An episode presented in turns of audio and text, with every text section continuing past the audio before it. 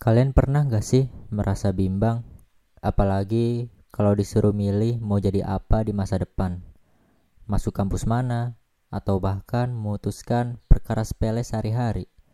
Untuk sekedar menetapkan pilihan dan menetapkan keputusan uh, terkadang emang bisa uh, apa bikin kepala pusing itu apalagi keputusan dan pilihan kita itu bakalan berpengaruh untuk masa depan kita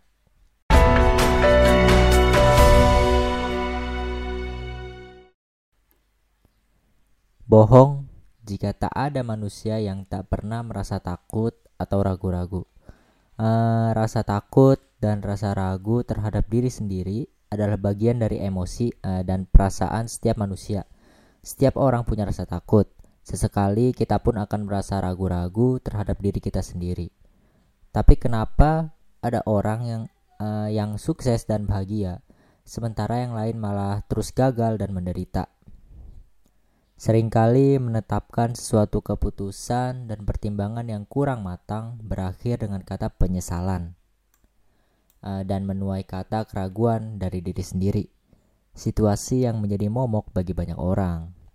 Uh, salah satu jawabannya adalah cara kita sendiri untuk menghadapi dan mengatasi rasa takut dan keraguan diri sendiri.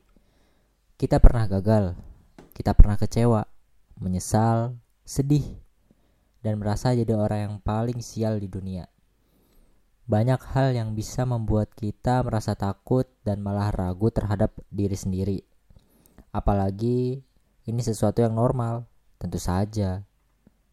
Sangat normal, tapi kamu harus bisa melakukan sesuatu agar rasa takut dan keraguan terhadap diri sendiri itu malah berbalik untuk menyiksa diri Anda.